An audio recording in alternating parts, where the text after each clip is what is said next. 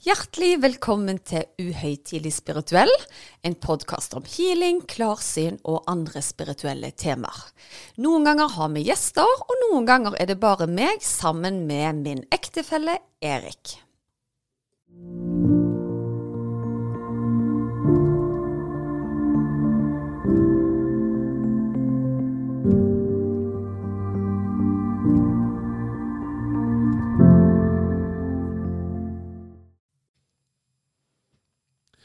Ja, Susanne.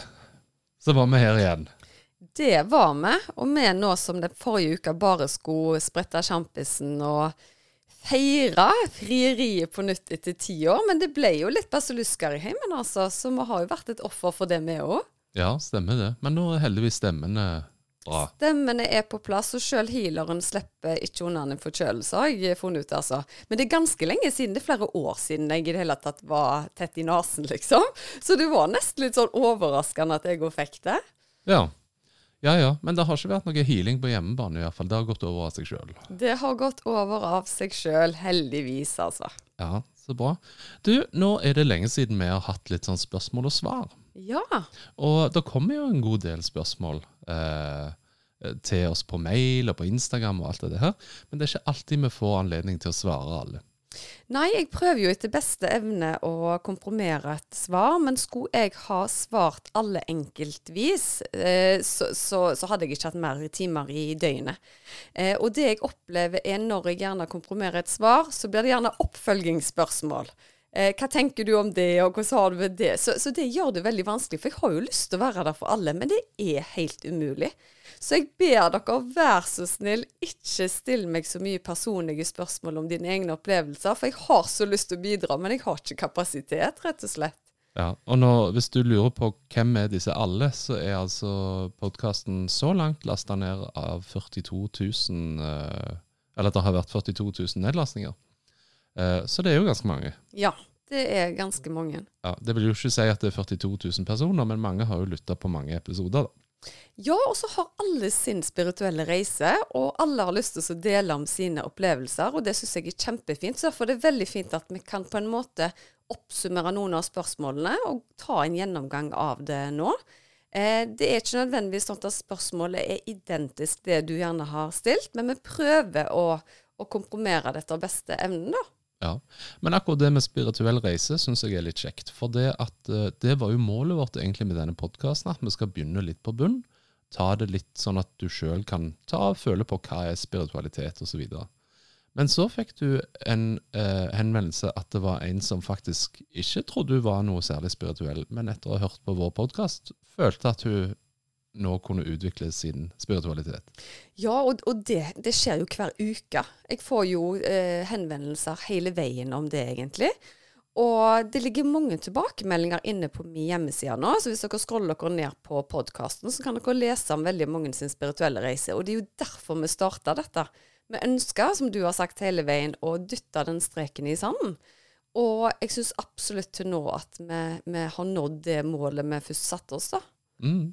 Jeg husker vi sa liksom i starten hvis, hvis denne podkasten kan hjelpe én person til å ha det bedre med seg sjøl, da er liksom mission accomplished. Men nå virker det som det er langt flere enn én person. Ja, og, og, så er det veldig gøy når folk på en måte har lytta til oss fordi fruen eller ektefellen har lytta, og egentlig vært litt sånn hva, hva, er dette her? Og så opplever de mer og mer på kroppen, da. Og jeg føler òg at den guida healingen jeg la ut, har vært en stor døråpner, og den har en vanvittig høy healingfrekvens. Så jeg har jo faktisk benytta meg av den, den sjøl når jeg trenger litt ekstra healing.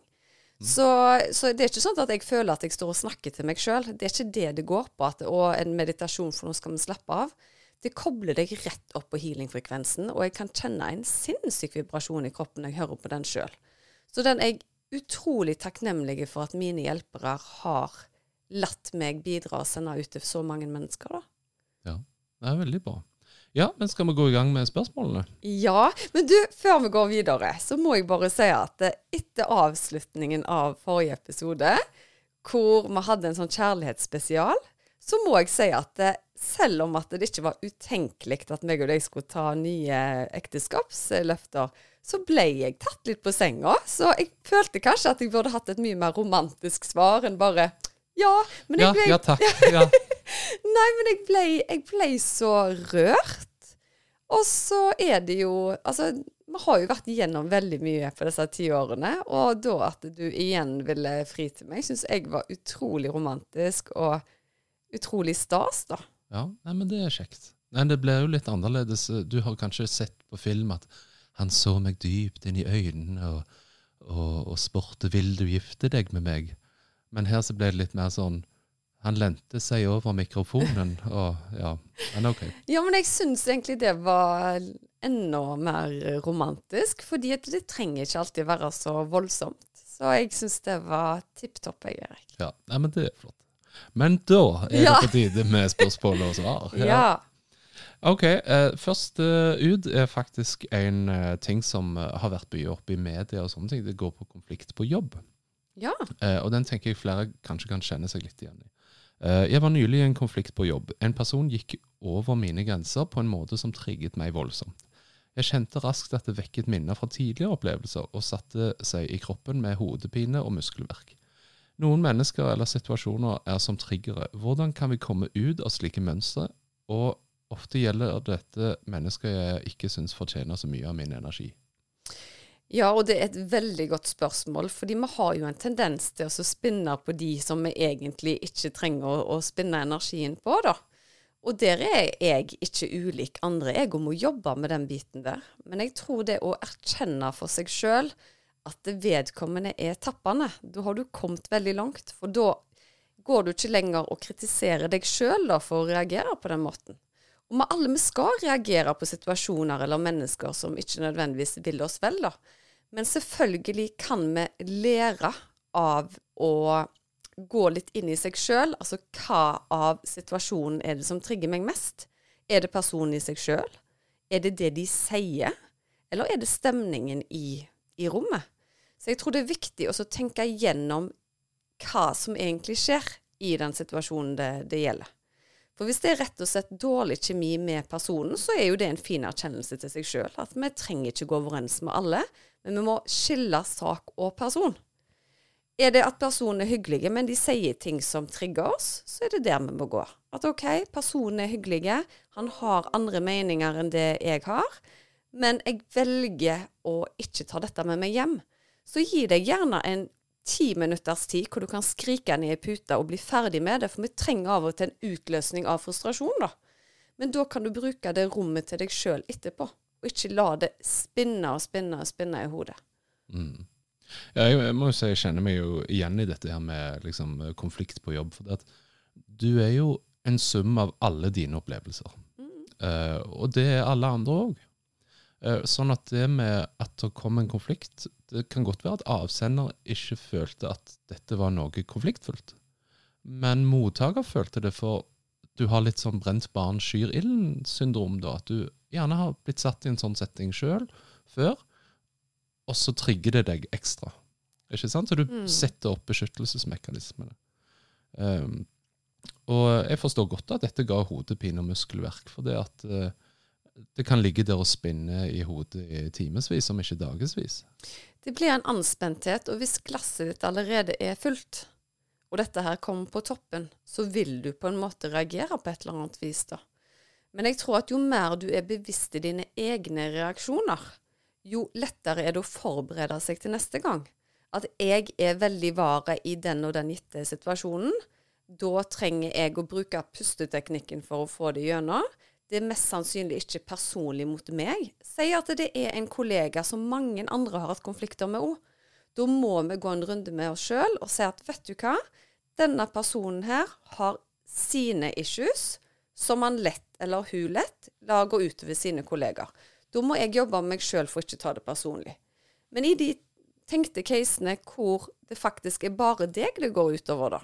Si at de er kjempehyggelige med alle andre. Da er det viktig at du går inn og gjør en analyse av deg sjøl. At OK, har jeg gjort eller bidratt til å trigge denne situasjonen? For jeg tror veldig ofte så speiler vi oss sjøl på et eller annet vis. Er du i en periode med mye stress, du har lite overskudd, gjerne lite søvn, så møter du gjerne personer på en annen måte enn du ville gjort med masse overskudd og kjærlighet i hverdagen, da. Mm. Jeg, jeg syns jo det siste du skriver her, eller han, eh, er jo Ofte gjelder dette mennesker jeg ikke syns fortjener så mye av min energi. Og det syns jeg er så, vikt, altså betegnende for situasjonen òg. For du har ikke lyst til å tenke på dem. Men det ligger der og kverner. Og det å kunne, gjerne om du tar en meditasjon eller et eller annet, og klarer å skru av den bryteren, det er en herlig følelse, altså. Ja, og så har jeg en enkel teknikk som jeg kaller såpebobleteknikken. Eh, men det fungerer jo bare hvis du vet om på en måte situasjonen på forhånd, da. Og det er rett og slett det at når du skal inn i det møtet eller treffe den kollegaen, mentalt legger du rundt deg i såpebobla Se for deg at du er beskytta. At det som gir deg påfyll, skal trenge gjennom den bobla. Og det som gir deg tappende energi, eller som virker drenerende, skal holdes på utsida, rett og slett.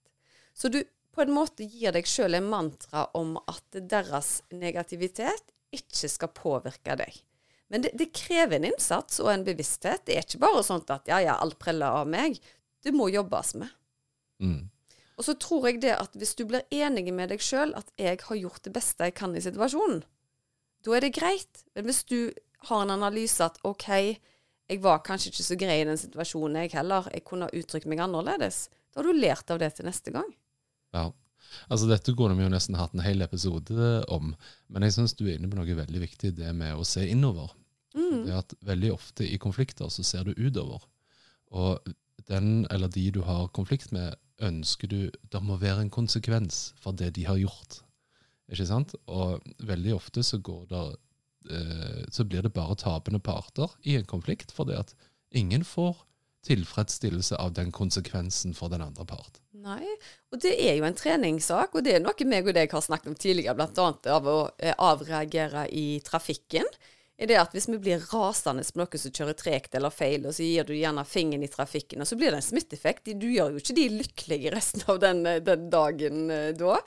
Så jeg mener i hvert fall sjøl at jeg har blitt god på Og det er ikke så viktig, den konflikten. Jeg ønsker ikke å bruke tid på at den personen skal lide for det den har sagt til meg. Det har jeg blitt veldig god på. Og jeg glemmer veldig fort, heldigvis for meg. Jeg trodde først at det var en sånn Å, jeg har gullfiskhukommelse, det er dumt å, å, glemme sånne viktige hendelser. Men jeg har funnet ut at det er den største gaven jeg kan ha. Jeg mm. glemmer ut at folk har sagt eller gjort noe negativt i min fortid. Og gjerne andre kan si 'Hvorfor er du så hyggelig med hun? Hun var jo forferdelig med deg på barneskolen.' Jeg bare 'Hæ?' var hun. så, så, jeg tenker at det er litt sånn snu det andre kinnet til, altså. Og så tror jeg at du får mer enn det du taper. Ja, det er veldig bra. Ok, vi går over til neste tema. Et uh, spørsmål. Du har jo ofte nevnt Aurora, som er da din guide. Ja. Uh, hva er Aurora best på? Aurora er best på å beskytte meg. Hun er min forlengelse av meg sjøl. Så Aurora og meg er på en måte ett. Så hun er mine styrker på alle områder. Um, og jeg har fortalt, eller vært inne på tidligere, at i begynnelsen så trodde jeg at Aurora var en engel, eller et vesen som kom og, og besøkte meg. Og det var jo òg Aurora som på en måte fortalte meg om mine evner eh, helt i starten. Men det har vært en prosess hvor jeg nå har mer en følelse av at hun er en forlengelse av meg i en annen dimensjon, da. Så hvem er bedre å veilede meg enn meg sjøl på et mer utvikla nivå og plan, da? Så Aurora, hun er utrolig eh, dedikert, vil jeg si. Hun er et arbeidsjern. Hun vil folk godt. Og hun ser veldig raskt framover. Hun har en unik evne til å utvikle seg sjøl i et lynraskt tempo. Og det at jeg får være med henne på sidelinjen som en del av henne, syns jeg er helt fantastisk. Og du snakket om i forrige episode som hadde med kjærlighet å gjøre, å skrive et kjærlighetsbrev til seg sjøl. Aurora er på en måte den biten av meg sjøl som jeg har en sånn enorm kjærlighet til, da. For hun er meg på mitt aller beste på alle nivå. Hmm. Stilig. Og så kommer oppfølgingsspørsmålet. Er Aurora et romvesen? Vet du hva, Hadde jeg hatt svaret på det, så skulle jeg skrevet den boka med, med, en gang. Og det er litt sånn som jeg har vært inne på, men hvem er et romvesen? Er jeg et romvesen? fordi at jeg har hatt kontakt med et folkeslag som jeg har vært inne på tidligere, av lysfolket, hvor jeg kjente meg veldig hjemme. Men jeg vil lande på konklusjonen at det spiller ingen rolle for meg hvor Aurora befinner seg, eller hvor hun kommer fra. Så lenge hun bidrar til noe positivt i meg, da, og bidrar til den positive utviklingen jeg har hele veien. Og det er ingen som utfordrer meg mer enn henne, og ingen som styrker meg mer enn en henne. Mm. Hva, hva, tenker du liksom når uh, Neste spørsmål her. altså Hvordan beskytter du energien din og feltet ditt når du jobber med så mange ulike mennesker som du gjør om dagen? Vet du hva? Eh, I starten så var jeg ikke klar over at jeg beskytta meg i det hele tatt. Eh, men hvis dere lytter til den guida healingen jeg har lagt ut i episode 24 av 2, så har jeg en sånn fast ritual jeg har på alle healingene mine. Og da inviterer jeg alltid Aurora inn for dobbel effekt og beskyttelse. At hun skal beskytte meg under selve healingseansen, da. Eh, og de som kommer på kontoret mitt eller har privat healing på telefon, kan gjenkjenne seg i de første fem til syv minuttene i hver healing. Men det er mitt rituale, både for å samle kreftene til å gi, men òg samle kreftene til å beskytte meg sjøl. Så det er min måte å gjøre det på. Jeg vet at andre bruker såpebobleffekt. De kan bruke en dusj. De kan bruke bare en tanke på at nå trenger jeg beskyttelse. Noen bruker bibelvers. Men jeg bruker det rett og slett at da påkaller jeg hjelperne mine til å beskytte meg. Ja. Her er det et annet. Uh, en som har evner sjøl, faktisk, som uh, sier at hun opplever det som en plikt å løfte andre dersom hun kan. Um, men uh, at det kan være vanskelig for folk å be om healing. Men så sier hun òg at hun gjerne kobler seg på politikere eller andre som hun føler trenger healing, for det at det er til samfunnets beste. Og så er jo spørsmålet, Hva tanker har du om det å koble seg på andre uten nødvendigvis å ha bedt om det? Vet du hva? Eh, av min personlige mening så syns jeg det ikke er riktig. Det er fordi vi har et ansvar om å ikke på en måte bryte privatlivets fred, da. Eh, og jeg var veldig glad når jeg var litt yngre, og kanskje litt mer naiv i, i jobben min. Så tenkte jeg ja, men vi vil jo bare godt. Jeg skal jo bare sende energi. Hvorfor trenger jeg en tillatelse til det? Så jeg var veldig glad for i regi av um, Det norske healerforbund så var det sånn etikkurs om akkurat det. Eh, og det ga meg en større forståelse av at eh, jeg har ingen plikt om å løfte de som ikke vil bli løfta. Eh, det må være noe de ønsker sjøl, for vi har en fri vilje. Men det er viktig å skille det å sende en god tanke, at jeg ønsker alt vel for den politikeren, men å tune seg inn og gjøre en analyse av deres energifelt, det vil jeg si at det er infiltrerende på en, en negativ måte, da, for vi har, har, ikke lov til det, rett og slett. Mm. Eh, men si at jeg skulle inn i et møte med mange politikere, så kunne jeg veldig godt ha bedt om hjelp til at dette skulle bli så konstruktivt som overhodet mulig, og at det skulle bli best mulig for alle parter det er jo å sende en bønn eller en god tanke ut i universet. Og det handler jo litt om dette med law of uh, attraction, da. Men vi kan jo ta en sammenligning til f.eks. de med andre religioner. Eh, Jehovas vitner, f.eks. De er jo bl.a. der at de ikke ønsker å ta imot blod, f.eks. hvis de er utsatt for en ulykke. Og da har vi ikke lov til å bare kaste i de blod uten samtykke. Og vi kan være veldig uenige i det, men andre har eh, andre perspektiver og meninger enn det en sjøl har, da. Mm. Eh, de gangene jeg går inn på energier uten personlig tillatelse, er hvis det er barn og voksne som ønsker at de skal ha healing. Fordi fram til du er 18 år, så har du lov til å be om healing for dine barn. Jeg har satt ei grense på 16 år, fordi jeg mener at en 16-åring vet godt hvis han har lyst til å ta imot, eller ikke. Men det er min personlige grense som jeg har satt. Mm. Og det med å ha på en måte at du føler du har en plikt til å løfte verden, da. Eh, det tenker jeg at eh, mange har i starten når du får evner. Jeg satt jo ofte på bussen og kjente den har vondt i armen, den har vondt i hodet, den har ditten og den har datten. Og jeg så på meg nesten som en fæl person hvis jeg ikke gikk bort og bare satte i gang healingen med en gang.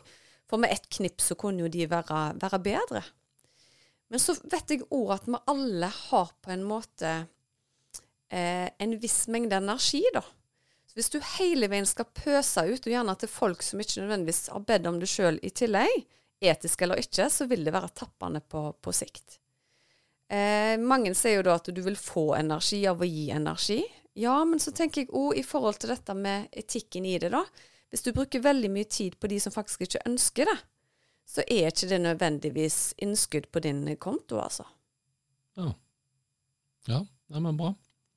Uh, denne er fin. I går så skulle jeg holde et innlegg i ledergruppen på jobb. og da jeg kjørte til kontoret, sendte jeg healing både til gruppen som enhet og til individene.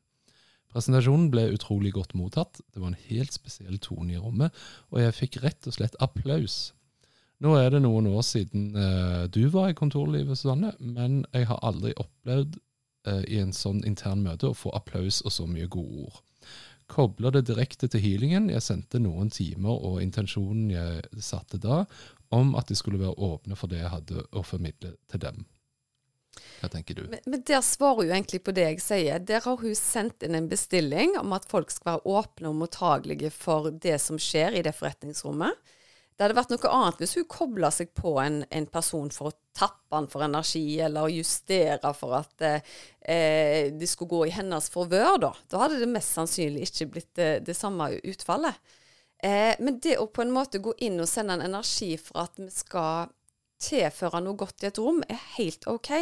Men å gå inn på enkelte individer og se at nå skal jeg gå inn og rydde opp i hans blokkeringer fra barndommen fordi jeg ønsker at dette møtet skal gå bra, det blir kanskje feil. Um, men jeg har ikke patent på vettet her. Jeg eh, snakker egentlig bare ut ifra erfaringer og mine egne grenser. Uh, jeg vet at uh, det er ikke alle som får lov å gå inn på mitt energifelt. Mm. Rett og slett fordi at folk er på forskjellige frekvenser. Og vi kan veldig gjerne si til oss sjøl at ja, men jeg er på så høy lysende frekvens. Men alle mennesker er på sin unike frekvens, og da skal vi ikke gå inn og justere der uten at vi vet hva vi gjør, da. Ja, og jeg tror kanskje essensen i dette her òg, det er jo at du ønsker godt for noen. Altså her sendte du jo gode tanker. Selvfølgelig kan vi det. Ja. Sende gode tanker er kjempebra, men å gå inn på enkelte personer og ta en individuell healing med ting som på en måte ikke blir diskutert i forkant, er kanskje ikke etisk rett. Men jeg støtter henne veldig i å gå inn og sende gode tanker for møtet, altså. Mm. Ja. Ok, her er det litt om familien. Um, tror du vi velger familien vi kommer inn i, og hvis ja, hvorfor er det så krevende relasjoner til de aller nærmeste noen ganger? Åh, oh, Det er veldig godt uh, spørsmål. Og så er spørsmålet da, hva er valget, da? Eh, hvis det er det at vi skal utfordre oss sjøl i livet med å gjennomgå relasjoner på nytt, eh, så er jeg absolutt åpen for at vi på en måte velger de personene vi skal ha i livet vårt for å utfordre oss på ulike nivåer, da. Eh, og så er det spørsmålet hvorfor gjør vi det? Og så er svaret mitt egentlig hvorfor ikke? Vi er her nede. Livet er en skole hele veien. Og har vi ikke lykkes i vårt forrige liv, så er kanskje planen å prøve de ut i en annen relasjon for å lykkes bedre, da. Og jeg har jo sjøl tatt en regresjon og sett at meg og min søster har jo hatt mange liv sammen tidligere. Og en periode hvor vi var ganske uenige, så tok jo jeg en regresjon for å få litt svar, og det svaret var jo helt annerledes enn det jeg hadde sett for meg. Jeg hadde jo sett for meg aha, hun var sikkert rasende på meg et annet liv og var sjefen min eller et eller annet sånt. Og så viste det seg jo det at vi var søstre i det livet òg, og ble solgt til hver vår slavehandler. Og det bruddet mellom oss da var et så stor sjelemessig sår at jeg tror aldri vi klarte å bli like nære som vi var, var da. Eh, så, men det er jo veldig kjekt å få i dette livet nå. Vi har absolutt hatt våre feider i barndommen med, med, med veldig gode venninner i dag. Ja, ja, men det er jo godt. Har du sjøl vært hos healer? Det har jeg. Ja. Jeg har vært hos eh, to healere som jeg føler har hjulpet meg godt. Men jeg er veldig selektiv på hvem jeg lar heale meg. Og det er rett og slett fordi at jeg, jeg, tror gjerne Sier du at du er en dyktig frisør, så vet du litt hva, hva, det går i, og da hiver du deg kanskje ikke inn i stolen til hvem som helst. Du gjør litt research på forhånd. Og for meg så skal det kjennes veldig viktig. Og det tenker jeg for alle der ute som ønsker å prøve healing òg. Følg magefølelsen din. Fordi hvis det er noe som skurrer, så er det ofte det at de er på en frekvens som ikke er tilpassa din frekvens. Så selv om de venninner syns at det, det møtet er helt fantastisk, så kan det godt være at det ikke, ikke gjelder deg, da. Så finn noen som du føler deg 150 eh, trygge på. Fordi det er veldig sårbart å gå inn i en healingprosess. Du, eh, du blir på en måte i ett med en annen sin energi, og da skal du være trygg på at den energien vil deg vel. Mm. Uh, ja, kanskje litt tilbake igjen til i tid her, men hadde du vært hos healer før du valgte å bli healer sjøl? Nei. Det var du faktisk. Var jeg? Ja, jeg husker før vi var sammen, så uh, er det en historie med eh, at du bladde i om det var gule sider eller telefonkatalogen, eller gula på nettet. Det har du rett i! Ja, Og så eh, Vi har aldri funnet den igjen etterpå. Og ja, Men jeg husker du kom og fortalte at eh, det første han spurte om, det var 'hvordan fant du meg', for jeg står ikke oppført noe altså, sted. den historien der er jo helt insane. Vet du hva, den hadde jeg glemt ut, Erik. Skal jeg, skal jeg fortelle det jeg ja, fortell. husker? Ja. Det var jeg og ei venninne som eh, Jeg hadde allergiplager, og hun hadde noe annet greier. Og så sier jeg til henne Vi skulle ikke prøve noe sånn alternativt, da, en healer eller et eller annet sånt. Og hun vet bare jo jo, se om du finner. Det der humbuget der. Ja, altså, jeg, jeg hadde jo ingen forhold til det. Men i hvert fall. Så mener jeg sjøl, da sier dere mener sjøl, så sitter jeg på kontoret mitt og jobber i Radio 1, og så googler jeg meg fram til en eller annen healer i Stavanger. Og det som var litt spesielt, var at han bodde rett opp forbi blokkleiligheten min i eh, eh, Når jeg bodde i eh, Verven. Og så ringer jeg til han, og så bestiller jeg en time for meg og naboen min. Eh, og jeg og hun skulle gå opp til han. Eh, fant han i en sånn eldre hus i Stavanger. Og du måtte liksom ned i en kjeller og sånne ting. Du kunne egentlig bare se for deg massemorder her med en gang. At nå blir du hengt opp etter veggen. Hun går inn først, husker jeg, og jeg sitter på en sånn pinnestol utenfor og, så- og så venter. Og når jeg kommer inn, så sitter han på en enkel stol i andre enden av rommet, og så sitter jeg på en pinnestol foran han. Og så sier han til meg da sånn How did you find me again? På American. Jeg bare eh, Nei, jeg bare googla deg, jeg, så det var det. Så kikket han bare på meg med de mest undrende øynene. Han sa ingenting mer. Eh, but I'm not on the internet. Jeg bare eh, Jo, jo, jeg har jo googla deg, og jeg har jo funnet deg. Han bare No. Og så sier han da at han bor i USA, og at han er bare i Stavanger sånn 14 dager i året, eller et eller annet sånt. Jeg tenkte ja, ja. Og så sier han, men hvorfor er du her? Jeg bare, nei, jeg har hatt allergi og sånne ting. Så sier han, det er ikke derfor du er her. Jeg bare, å nei, jeg tenkte dette ble løgnere og løgnere. Så la han meg ned på en sånn benk. Altså, jeg tenker i dag at jeg burde vært livredd i hele situasjonen, for det var veldig rart. Så la jeg meg ned, og så kjente jeg kraft og herlighet. Altså, jeg følte at han la hendene på seg, på meg, og så var det akkurat bare energi, og jeg, holdt på, jeg fikk latterkramper fordi jeg syntes det var så sykt, hele, hele opplevelsen. Og da jeg var ferdig, så kikket han på meg, så sa han du trenger ikke komme tilbake her. Jeg har ingenting å bistå deg med. Tenkte jeg bare OK, ja ja. Og så sa jeg at jeg husker jeg skulle betale og greier, og så, og så sier han da Hva var det han avslutta med? Et eller annet sånn Jeg er veldig glad jeg har fått muligheten til å treffe deg, for dette blir spennende, eller et eller annet sånn. Og så går jeg ut, og så tenkte jeg at da skulle jeg og hun naboen min aldri tilbake til han igjen. Og hun bare jo, jeg skal tilbake. Jeg bare å, tenkte jeg, du får komme tilbake og ikke jeg. Men jeg vet ikke hva denne mannen heter, og det gikk jo mange år før jeg ble healer sjøl. Og så har som sagt glemt ut hele historien. Men jeg hadde ikke funnet han engang på, på nettet i dag. Jeg aner ikke hva han heter.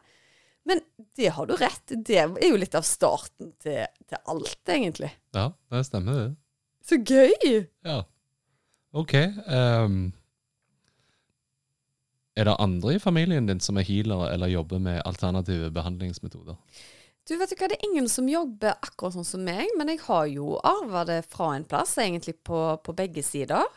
Eh, mammen min hun har virkelig krefter i hendene sine, på en litt annen måte enn meg. Hun er ikke den som gjerne kanaliserer inn informasjon, Men hun er veldig flink ved å Hvis hun legger hendene sine på ei vond skulder, f.eks., så kan det bli bra. Og hun er jo en fantastisk kunstner, så det er veldig mange som føler de får healing bare de ser på bildene. Så hun er kjempeflinke. AMT Art heter hun, så hvis dere vil sjekke det ut. Eh, så har vi tanten min, søstera til mamma. Hun har vært en litt sånn klippe gjennom hele tiden. Hun er den som holder litt kontroll på mine opplevelser. Hun husker veldig godt, og har vært en veileder gjennom mange av mine unike spirituelle opplevelser. da. Og hun er veldig belest på evne, så har alltid et svar til meg hvis det er noe jeg opplever som jeg syns er merkelig. Så kan hun si at nei, men det er jo ikke merkelig, det er jo sånn og sånn. Så det er jeg veldig glad for. Og så har jeg òg ei søster som har en vanvittig sterk intuisjon. Så det er absolutt folk i, i familien som, som, har egenskapene, men det er bare jeg som jobber med det som, på fulltid, da. Ja. Men jeg husker jo vi har vært der som oldemoren din vokste opp, og der var det jo en spesiell historie uh, der det var en stein som hun mente da det bodde småfolk i. Ja, det stemmer det. Og det er jo på, på mammas side igjen. Så hun mente det at det var småfolk. Og jeg hadde jo ikke noe forhold til småfolk heller, men det er jo etter jeg ble sammen med deg de har dukka opp her i huset. ja, Kanskje de flytta fra steinen og her til, da? Ja, kanskje det. Men det, vi, skal, vi er nødt til å undersøke litt dette med småfolk, så må vi lage en episode om det. Fordi det vet jeg for lite om. Vi bare ser en liten tass her innimellom. Ja. Eh, videre, du eh, nevner jo dette her at du har tatt regresjon og har sett liksom meg eh, fra gammelt av. Du har sett liksom relasjonen til søsteren din. Eh, du har Aurora der. Men har du eh, levd tidligere med dine barn? Vet du hva, jeg, eh, jeg kan ikke huske å ha levd med mine barn tidligere. Men jeg hadde jo en regresjon som jeg fortalte om, hvor jeg datt ut av en båt, hvor jeg var en mann. Som eh, jeg på en måte kasta gifteringen min over i båten til for å, å redde ungene mine, da, sånn at de skulle klare seg noen uker økonomisk eh, på bakgrunn av den gullringen. Og da så jeg jo at det var en jente og en gutt, men om det var Aurora Evander, det vet jeg ikke. Eh, når det er sagt, så når jeg var gravide med Aurora, så var det så tydelig at det var hun som skulle komme. Og jeg kjenner meg så utrolig igjen i henne på alle områder, egentlig. Så jeg, jeg, er overbevist om at jeg og hun har levd sammen før. Men så har du Evandero, som er bare en uh, annen forlengelse av meg sjøl. Så jeg syns det, det, er vanskelig å, å, si. Men mamma, hun hadde en veldig sterk drøm en gang. Eh, som hun ringte til meg på morgenen og fortalte om at hun, hun er i gamle dager, og dette er en drøm jeg mener hun har hatt flere ganger, hvor hun er på en måte på en kjøkkentjeneste eller noe sånt, og så går hun ut forbi et svært gods. Og der kommer det en mann ridende i full guffe med kappe og greier. Og idet han kaster seg av hesten, så er det Evander i en voksen utgave. Oh, ja. Så hun mener helt klart at hun har hatt en relasjon til han før. Og jeg syns jo sånt er så spennende. Så jeg tror kanskje jeg vil ta flere regresjoner og prøve å gå tilbake i livet og finne litt mer ut av ting. Ja, Neimen, bra. OK. Har du noen forbilder? Vet du hva, jeg er nok en av de som siden jeg var liten, alle var fan av noen. Hadde de på, på rommet sitt på, i tak og vegger og var blodfan av ja, men, grupper og sånn. Men nå snakker vi ikke om New Kids on the Block her. Nei, vi gjør ikke det, men det er da hele mitt poeng kommer. Så jeg har aldri hatt noen sånne sterke forbilder. Men jeg syns at eh, nære familierelasjoner er forbilder som tar vare på menneskene rundt seg og sånn. Eh, og jeg, jeg, kan veldig gjerne bli imponert over folk. Imponert over folk som står i stormer. Blant annet så har du prinsesse Martha Louise, som jeg ble spurt om, om hva jeg syns den gangen når hun sto fram med sitt. da. Men på det tidspunktet så hadde jeg jo ikke stått i noen stormer sjøl, så jeg tenkte ja ja, det er sikkert greit for henne, det. Men jo mer jeg tenker over hva person hun er, og hva hun har stått i, så blir jeg veldig imponert. For maken til styrke, altså. Eh, hun har en så unik rolle i samfunnet og har hatt én million grunner for å ikke si noen ting om de tingene hun opplever. Og allikevel så gjør hun det gang på gang. Så hun er absolutt et, eh, et forbilde for meg.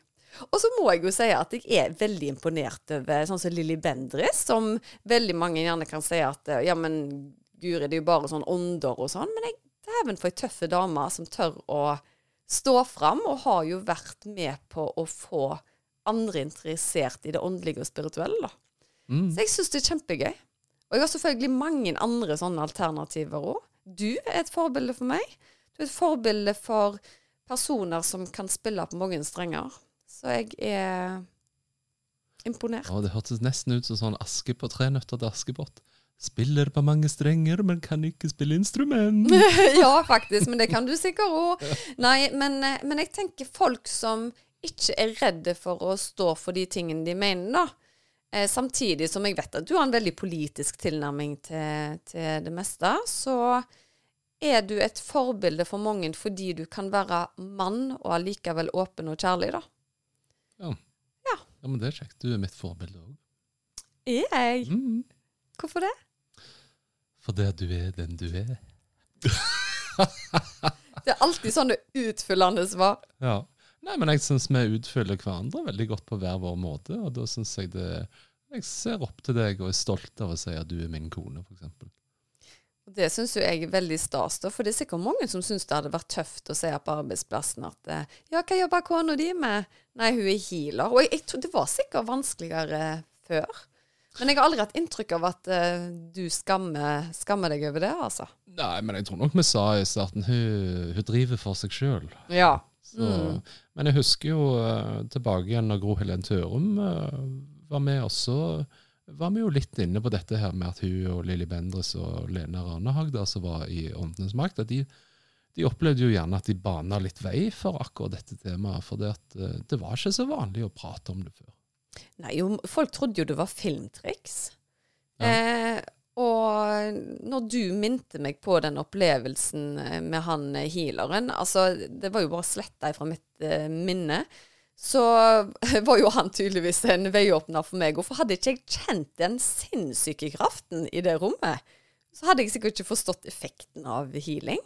Men altså, hadde det ikke vært for at jeg hadde et vitne med meg til eh, denne healeren, så hadde jeg ikke trodd på historien min sjøl, fordi den personen eksisterer jo ikke. Så nesten som vi skulle oppsøkt huset og sett om at han var der ennå. Det er jo litt creepy. Ja, okay. det er jo kanskje det. Ringer på. Du, ja. Ja, ok.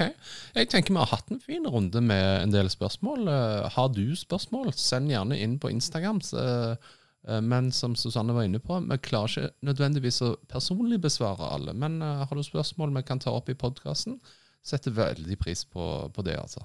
Ja, og, og bare helt avslutningsvis så er det faktisk veldig mange som skriver eh, mail til meg eller på Instagram nå at eh, jeg sniker meg litt inn i drømmene deres. Eh, og sånn som jeg har forstått det da, så handler det mest om din prosess. Altså din healingprosess, da. At jeg blir et bilde på at du er i gang med noe spirituelt der. Eh, så det er veldig kjekt å høre at eh, healeren sniker seg inn på de mest eh, utrolige måter. Jeg har vært alltid fra flyvende over huset deres til jeg har blitt sett i et vann. Jeg har vært med de på eh, eh, selskaper og tilstelninger. Så jeg føler jo at jeg nå blir liksom en del i hverdagen til folk. Da. Så jeg syns det er kjempekoselig når de sender meg meldinger om det. Ja, så kjekt. Skriv gjerne om eh, Erik òg. Uh, haunt your dreams. Eh, ja, men eh, velg drømmen med omhu. jeg har en venninne som har delt litt vel mye om drømmer om Erik, så vi, vi stopper det der. Ok. Yes, eh, med det så sier vi takk for i dag. Tusen takk for at du hørte på. Lytt gjerne til oss igjen, og følg oss på Instagram.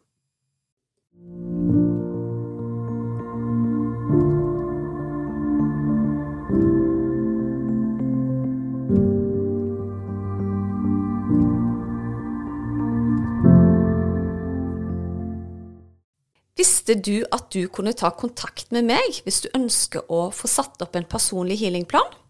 Da er det bare å kontakte meg via Instagram eller på e-post, så gjør jeg det helt kostnadsfritt. Da er det mye lettere å vite hvilken healing du skal velge, til hva tid du skal bruke den, for hvor mange uker du bør benytte deg av deg. Gå inn på healersusanne.com.